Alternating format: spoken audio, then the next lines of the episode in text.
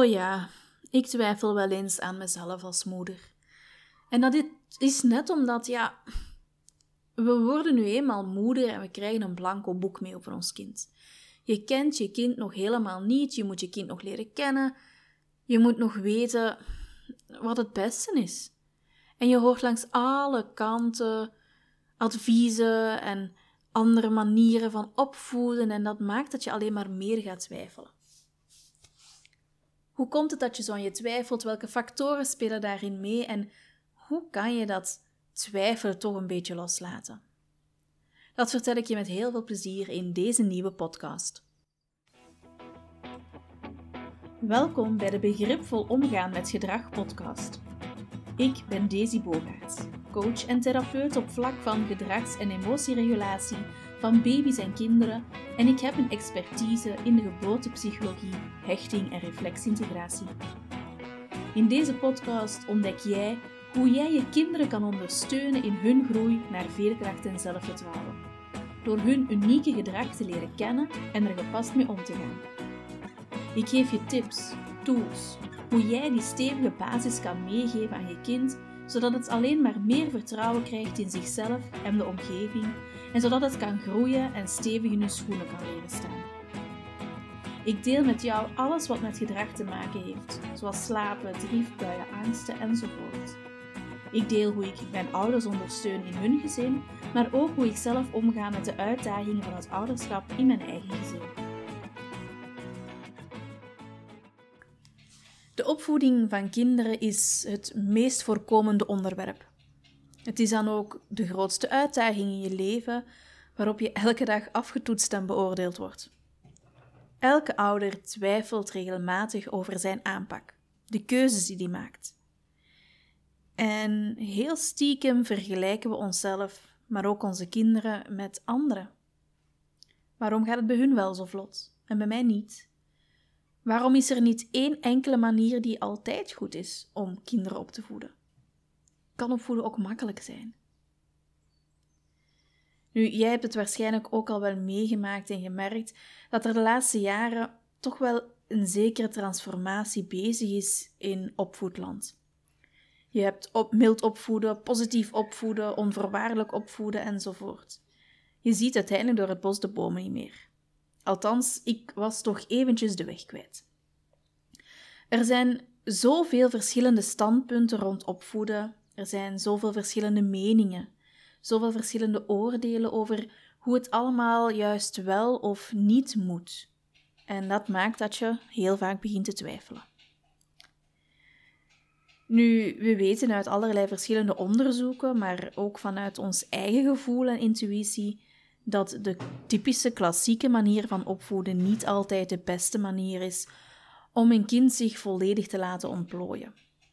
De ouderwetse manier van um, straffen, gehoorzamen, um, is niet echt de meest efficiënte manier.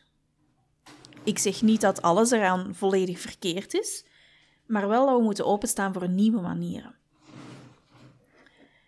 Nu, als kind leer je natuurlijk te stappen met vallen en opstaan. Het is nieuw om die grond onder je voeten te voelen en je moet proberen om de juiste houding en balans te vinden om te kunnen blijven staan. En dat is eigenlijk met opvoeden net hetzelfde. Het is een gans nieuwe uitdaging. Ook al ben je voor de derde keer mama of papa, zelfs dan is het weer opnieuw zoeken naar die juiste balans. En dat kan alleen maar door te proberen, te falen, weer op te staan en verder te gaan. Want zo ga je groeien als ouder en beter worden. En ja, fouten maken hoort erbij. Het is menselijk. En dat mag je ook tonen aan je kinderen. Je weet nu eenmaal niet alles en je kan ook niet alles en soms ben jij ook eens onhandig of maak je de verkeerde keuze. Die twijfel die je daar dan voelt, um, zorgt ervoor dat je natuurlijk open gaat staan voor anderen, maar ook de manier waarop zij omgaan met dingen en dat je dus ook bereid bent om te gaan leren. Nu, als kerstverse mama kwam ik negen jaar geleden thuis met mijn babytje. Bam, daar stond ik. Helemaal alleen met allerlei nieuwe materialen, geen idee hoe of wat. Er waren geen verpleegsters meer die me bijstonden, die mijn vragen konden beantwoorden of me een beetje goede moed konden inspreken. Ik moest het volledig zelf doen, want ik was verantwoordelijk voor het leven van mijn kleine hulpeloze baby. En dat was best intens. Het is echt zoeken naar wat je baby op dat moment nodig heeft, wat hij wil vertellen en hoe jij daar moet op inspelen.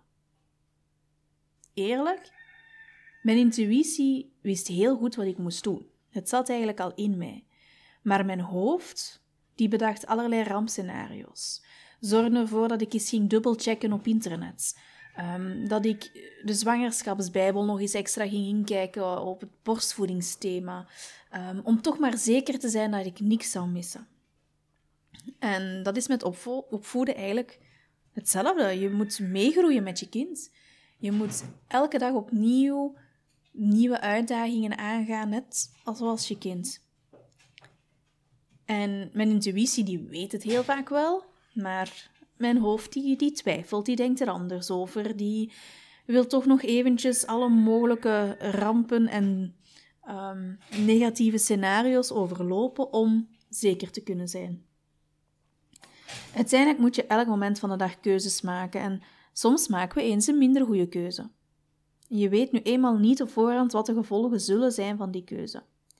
Dus ik kies wat op dat moment het beste lijkt voor mij en mijn gezin. En ik doe dat met de allerbeste intenties, net als jij.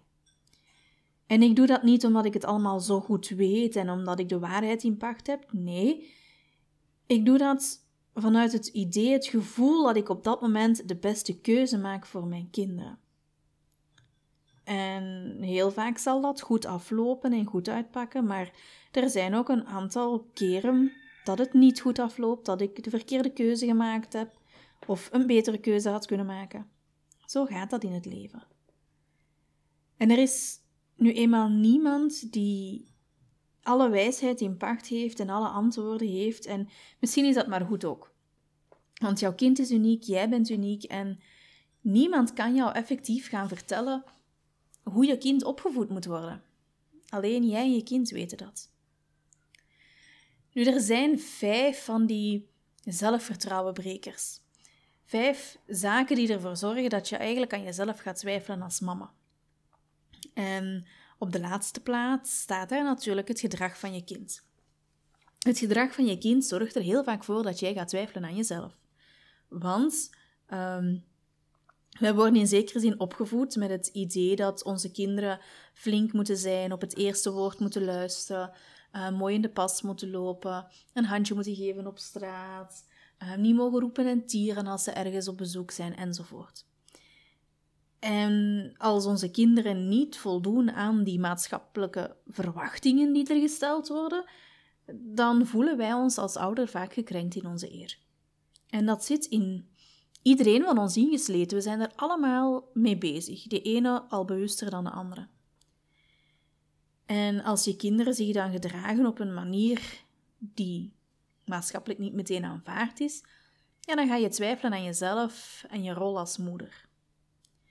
Of als je kind na de honderdste keer vragen en zeuren nog steeds niet doet wat jij zegt, en als je vriendje dan langskomt om te spelen en die luistert meteen op het eerste woord en die reageert heel beleefd, ja, dat voelt niet echt bevestigend aan. Dat kan je echt wel aan het twijfelen zetten. Nu zijn er natuurlijk allerlei factoren waarom dat een ander kind bij jou zich flinker gedraagt. Um, je kan je vast voorstellen dat je eigen kinderen zich ook veel flinker gaan gedragen op een ander. Ehm, maar een kind gaat sowieso zich opener gaan gedragen bij jou. Meer gaan durven, meer gaan laten zien, omdat hij zich veilig voelt bij jou. Dus het, het, wat, het gedrag dat ons stoort, hoeft daarom niet per se slecht te zijn. Heel vaak zeg ik ook tegen ouders van, wij willen ons kind hè, heel braafjes hebben, heel rustig, heel kalm. En als ze dan ouder zijn, dan willen we net dat ze wat assertiever gaan worden. Waarom moeten we dan eerst hun assertiviteit gaan onderdrukken als jong kind, om dan achteraf te gaan verlangen dat ze die assertiviteit terug gaan gebruiken? Het is de manier waarop je naar je kind kijkt die bepaalt hoe je ermee omgaat en of je effectief wel hoeft te twijfelen aan jezelf. Heel veel kinderen die vertonen normaal gedrag, normaal kindergedrag, um, sterke kwaliteiten, sterke talenten, die wij op een of andere manier gaan klassificeren als um, lastig gedrag of niet gewenst gedrag. En dat komt alleen maar omdat wij zo bezig zijn met de reactie van anderen. Wat gaan anderen daarvan denken als, als mijn kind dit doet? Of um, ja, als mijn kind zichzelf is, ja, dan komt hij nogal hyperactief over en onbeleefd over en dat wil ik niet. Um, nu eerlijk gezegd, ja, mijn jongens zitten in zo'n fase van boeren en protjes laten. Niet alleen thuis, maar ook op een ander. Nu, ik merk wel als ze het ergens anders doen, dat ze zich wel wat rapper generen. Ehm, omdat ze zich daar natuurlijk minder op hun gemak en minder veilig voelen dan thuis. Um, maar uiteindelijk is boeren en protjes laten iets natuurlijks. Dat kan je niet zomaar tegenhouden. Um, dus leer ik hen om gewoon beleefd pardon te zeggen.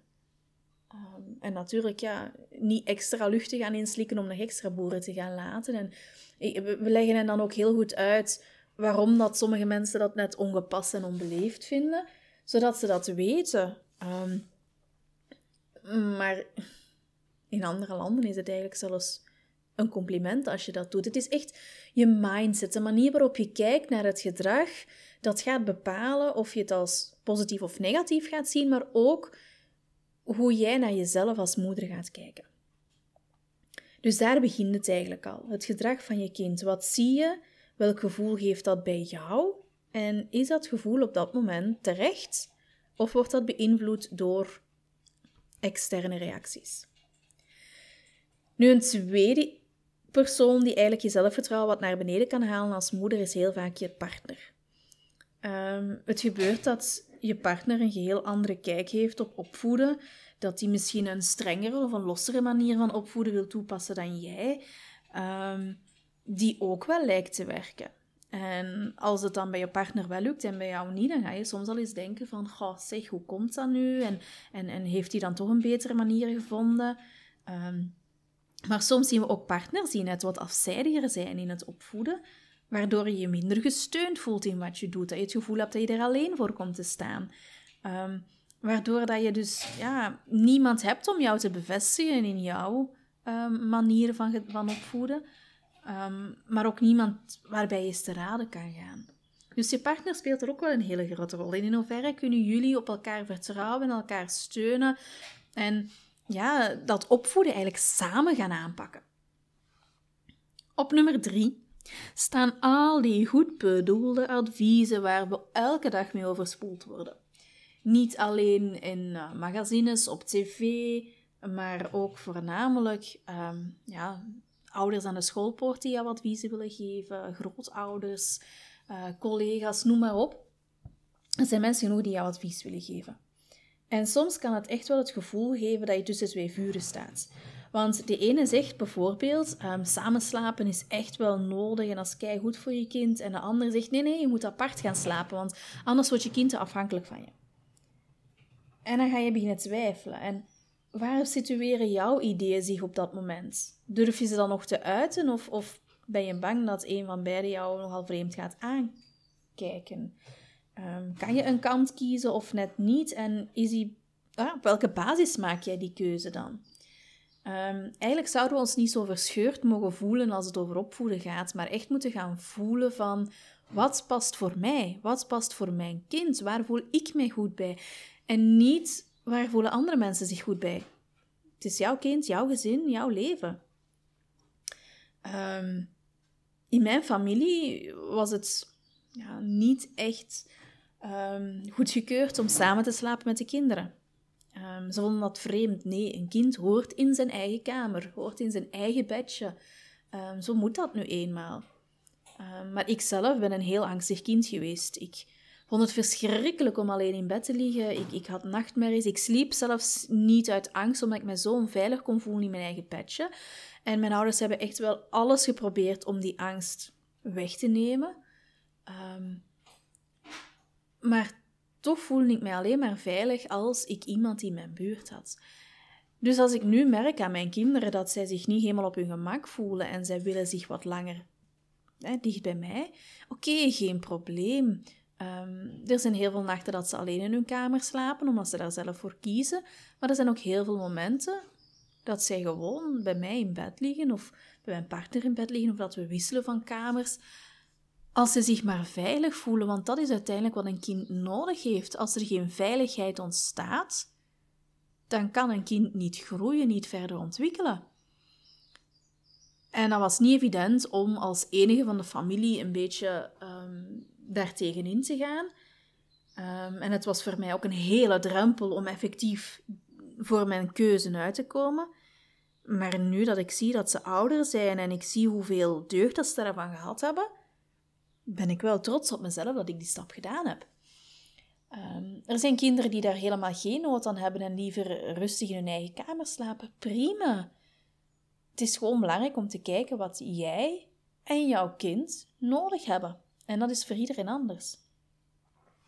Dus die goed bedoelde adviezen, gewoon goed voelen van past dat bij mij, ja of nee. En, en volg je gevoel, volg wat voor jou en je kind werkt. Natuurlijk speelt familie daar ook een rol in. Hè. Dat was mijn nummertje twee. Familieleden die elkaar al jaren kennen, die, die hebben zo de neiging van altijd maar te willen helpen, advies te willen geven, um, soms zelfs terecht te wijzen um, en openlijk te vertellen wat ze denken.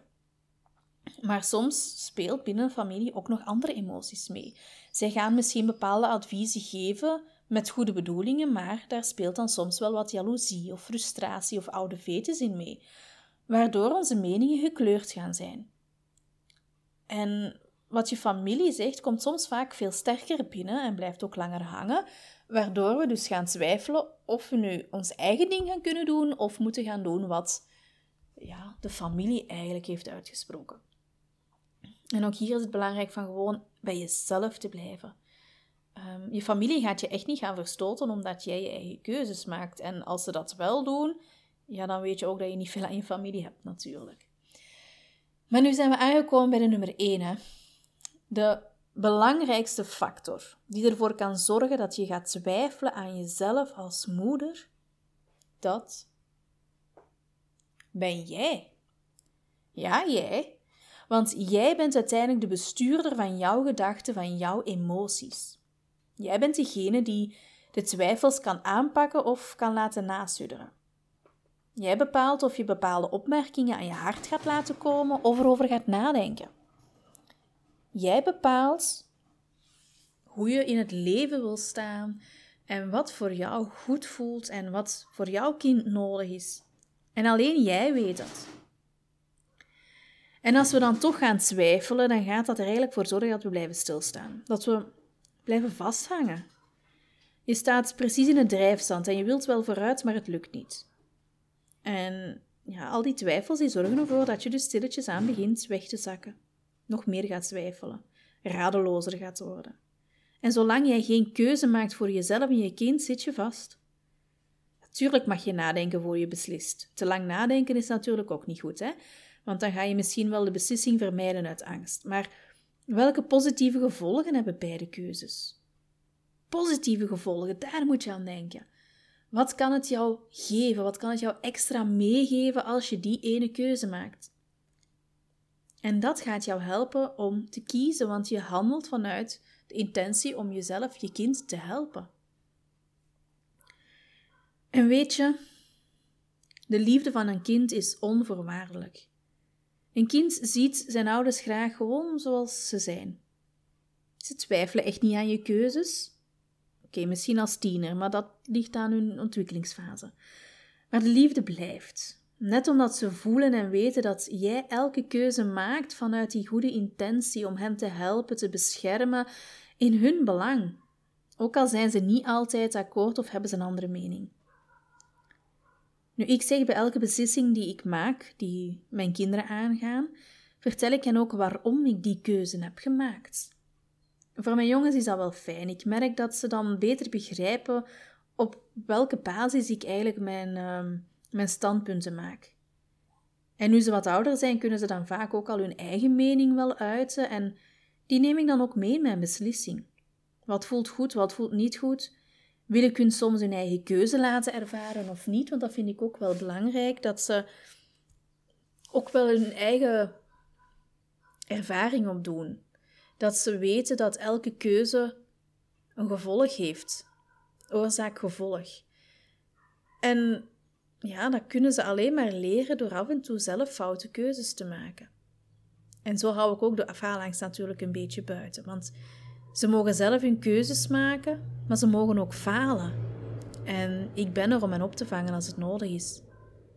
Dus soms maken we keuzes samen. En zeg ik van oké, we kiezen niet de veiligste keuze, maar we gaan het gewoon eens proberen. We gaan die uitdaging aan en we gaan kijken wat het geeft. En soms voelt dat niet goed en hak ik de knoop door en zeg ik van nee, kijk, ik kies hiervoor, want dat is mijn reden. En dat werkt zo enorm goed, want je geeft hen eigenlijk ook het vertrouwen ehm, en de verantwoordelijkheid om mee te kiezen, mee te beslissen. En dat geeft hen zo'n boost in hun eigen zelfvertrouwen eigenlijk. Dus lieve mama, geloof in jezelf, geloof in je kind. Je hebt van nature uit dat intuïtieve meegekregen om te gaan voelen wat jij en je kind nodig hebben. Dat zit in jou. Dus geloof in jezelf. Geloof dat jij steeds vanuit de beste handelingen hebt gehandeld en altijd zal doen. En dat je niet perfect bent, maar wel de ideale mama voor jouw kind. Want jij kent jouw kind het beste.